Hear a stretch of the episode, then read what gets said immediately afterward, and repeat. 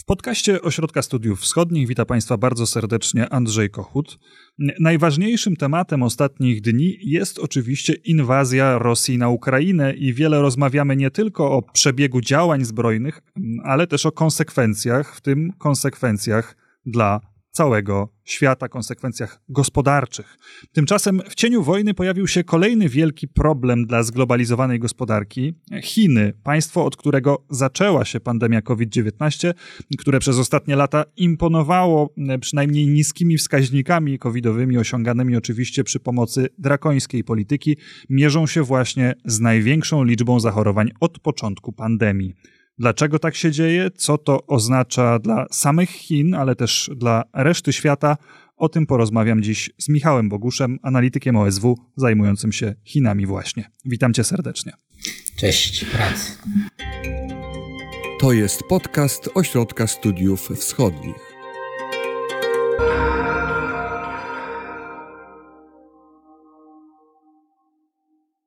Dobrze, zacznijmy wobec tego od tego, jak wygląda obecnie sytuacja covidowa, pandemiczna w Chinach.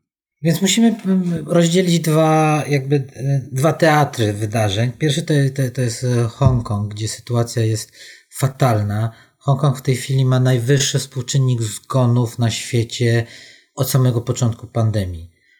Jest to spowodowane dwoma faktami, że E, większość populacji jest tam niezaszczepiona albo zaszczepiona chińskimi preparatami, które nie dają dużej, już na, na początku nie dawały dużej odporności na, e, na, na, na poprzednie warianty e, COVID-a, ale praktycznie są nie, nie, nie działają przeciwko omikronowi. Po drugie, działają bardzo krótkotrwale, więc osoby, które zostały zaszczepione parę miesięcy temu, już nie, ma, nie mają odporności.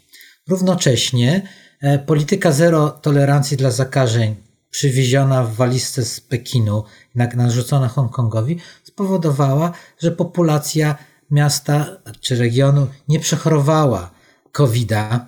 W efekcie populacja nie ma nabytej odporności, czy to w sposób sztuczny poprzez szczepienia, czy też w sposób naturalny e, poprzez przechorowanie. A to oznacza, że w wypadku tak wysoko zaraźliwego wariantu, jakim jest Omikron, bardzo dużo ludzi choruje e, równocześnie i to przeciąża system opieki zdrowotnej. W tej chwili mamy taką sytuację, że w szpitalach e, nie ma jak zabierać ciał osób, które zmarły, które są układane na korytarzach, a w pewnym momencie zaczęto trzeba było je po prostu kłaść pomiędzy łóżkami na salach, e, pomiędzy chorymi, bo po prostu nie ma kto jak i kiedy zabrać ciał. Kostnice są pełne, a zakłady pogrzebowe działają w ograniczonym trybie ze względu też na obostrzenia covidowe. To jest jeden teatr. Mówiłeś, to jest jeden teatr. Mhm, mówiłeś Tym o dwóch. Teatrem są, są, są same Chiny ludowe, Chiny kontynentalne, gdzie Omikron pojawił się już. On y, był wcześniej występował, ale wydawało się, że władze w miarę kontrolują sytuację.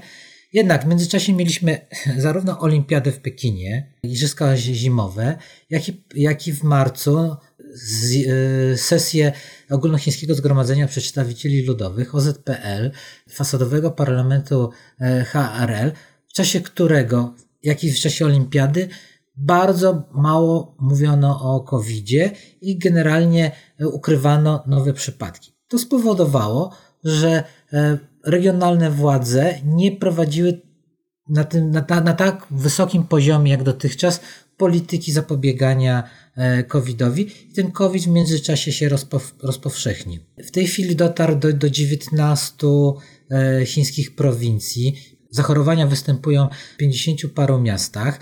E, zamknięto prowincję Jilin, to jest w Mandżurii. W poszczególnych innych wypadkach są lockdowny ogłaszane lub ograniczenia w pracy, w przemieszczaniu się na skalę powiatu lub miasta. Dużym problemem jest to, że obecnie koronawirus zaczyna dotykać miasta czy region e, południowego wschodu Chin. Czyli to jest e, wybrzeża na północ od Hongkongu, e, naprzeciwko Tajwanu, które odpowiadają za, głównie za, za, za eksport, za przemysł. To jest taki koło zamachowe chińskiej gospodarki. E, władze do tej pory unikały w tym regionie bardzo poważnych lockdownów, e, po to, żeby po prostu nie zaburzyć produkcji na eksport, dzięki której chińska gospodarka była w stanie przejść w miarę suchą nogą e, wcześniejszą fazę pandemii. Teraz to wszystko się niestety zmienia. Wiele fabryk zmuszono do zamknięcia, w tym także produkujących dla zachodnich firm jak Foxconn, produkujących dla Apple'a fabryki samochodów należące do niemieckich koncernów. Dzisiaj przyszła wiadomość, że niektóre z tych fabryk zostaną odblokowane i władze po prostu przestraszone sytuacją no są zmuszone jakby umożliwić im powrót do produkcji, powrót do, do normalnej działalności, ale nie zmienia to faktu, że ta sama sytuacja, która nastąpiła w Hongkongu, może nastąpić na ogromną skalę w HRL z tego powodu, że mimo, że ponad 87% e, obywateli HRL jest zaszczepionych przeciwko COVID, ale są ponownie zaszczepionych preparatami e, krajowej produkcji, bardzo nieskutecznymi, już na wcześniejsze warianty e, COVID-a, a prawdopodobnie całkowicie bezbronne w stosunku do omikronu, a równocześnie paradoksalnie ten sukces, jakim była e, polityka zero tolerancji dla zarażeń w pierwszych miesiącach czy latach pandemii, teraz zaczyna się mścić, ponieważ populacja w żaden sposób nie jest odporniona w sposób naturalny. Czyli mści się ta strategia, którą świat obserwował z pewnym podziwem, nawet jeżeli również z niepokojem, bo wiązało się to z no, takimi niemalże totalitarnymi metodami e, zarządzania społeczeństwem, żeby tę, tę politykę zero COVID utrzymać. Ale czy w, tym, w tej sytuacji władze mają jakąś nową koncepcję, jak z tą rozwijającą się w Chinach pandemią walczyć? Bo wydaje się, że wybór jest pomiędzy rozlaniem się pandemii na cały kraj w sposób e, dosyć niekontrolowany z racji właśnie tego braku odporności, a jakiegoś rodzaju bardzo poważnymi turbulencjami gospodarczymi. Wydaje się, że nie ma w tej chwili żadnego pomysłu. Problem jest też natury politycznej. Ta polityka zero tolerancji jest sygnowana imieniem sekretarza generalnego KPH Xi Jinpinga. Na jesieni mamy 20 zjazd partii. Spodziewamy się, że Xi Jinping będzie, pozostanie u władzy, nie przejdzie zgodnie z utartymi zwyczajami na emeryturę partyjną i będzie nadal e, sprawował władzę, a to oznacza, że nie może sobie pozwolić na przyznanie się do błędu. A takim byłoby, byłaby zmiana polityki zero tolerancji.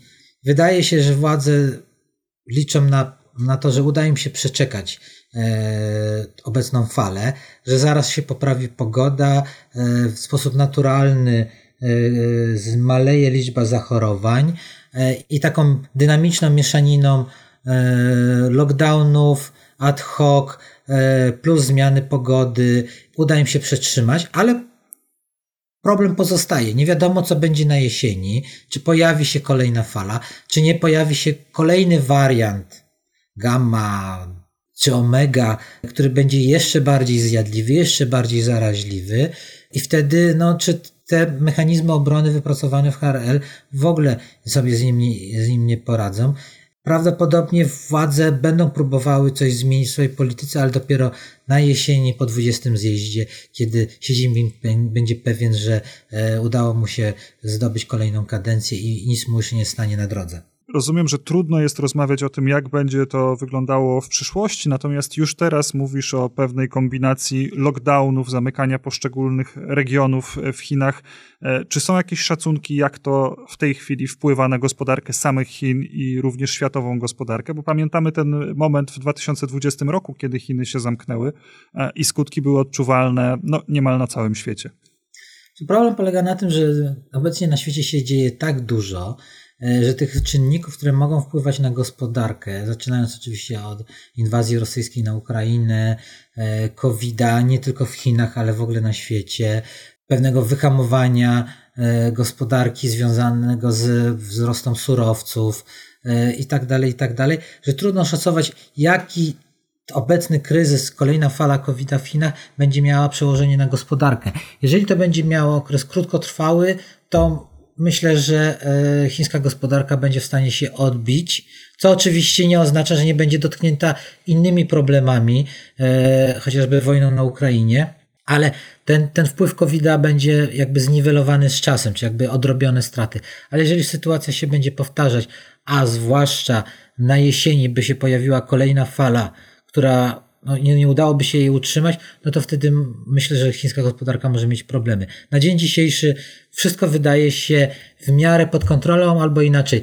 Skutek COVID-a będzie niewidoczny w najbliższych dniach, w najbliższych tygodniach, bo nie, nie możemy mówić o, o, o dłuższej perspektywie, e, ze względu na to, że po prostu on będzie ukryty, schowany przez inne czynniki, które decydują o obecnych tur e, turbulencjach gospodarczych. Ale tak jak powiedziałem, jest to wszystko, sytuacja jest dynamiczna i bardzo trudno e, planować czy przewidywać cokolwiek na dłużej niż miesiąc lub dwa. Czy ta obecna fala e, pandemii w jakiś sposób wpływa na chińską politykę? To znaczy, czy widać jakiś taki zwrot w kierunku wewnętrznym, mimo tego e, wielkiego kryzysu, właśnie, który się rozgrywa na Ukrainie, tej wojny, którą rozpoczęła Rosja, czy też nie? Chińczycy jakby równorzędnie skupiają się na, na, na polityce światowej i jednocześnie starają się zajmować swoimi własnymi problemami krajowymi.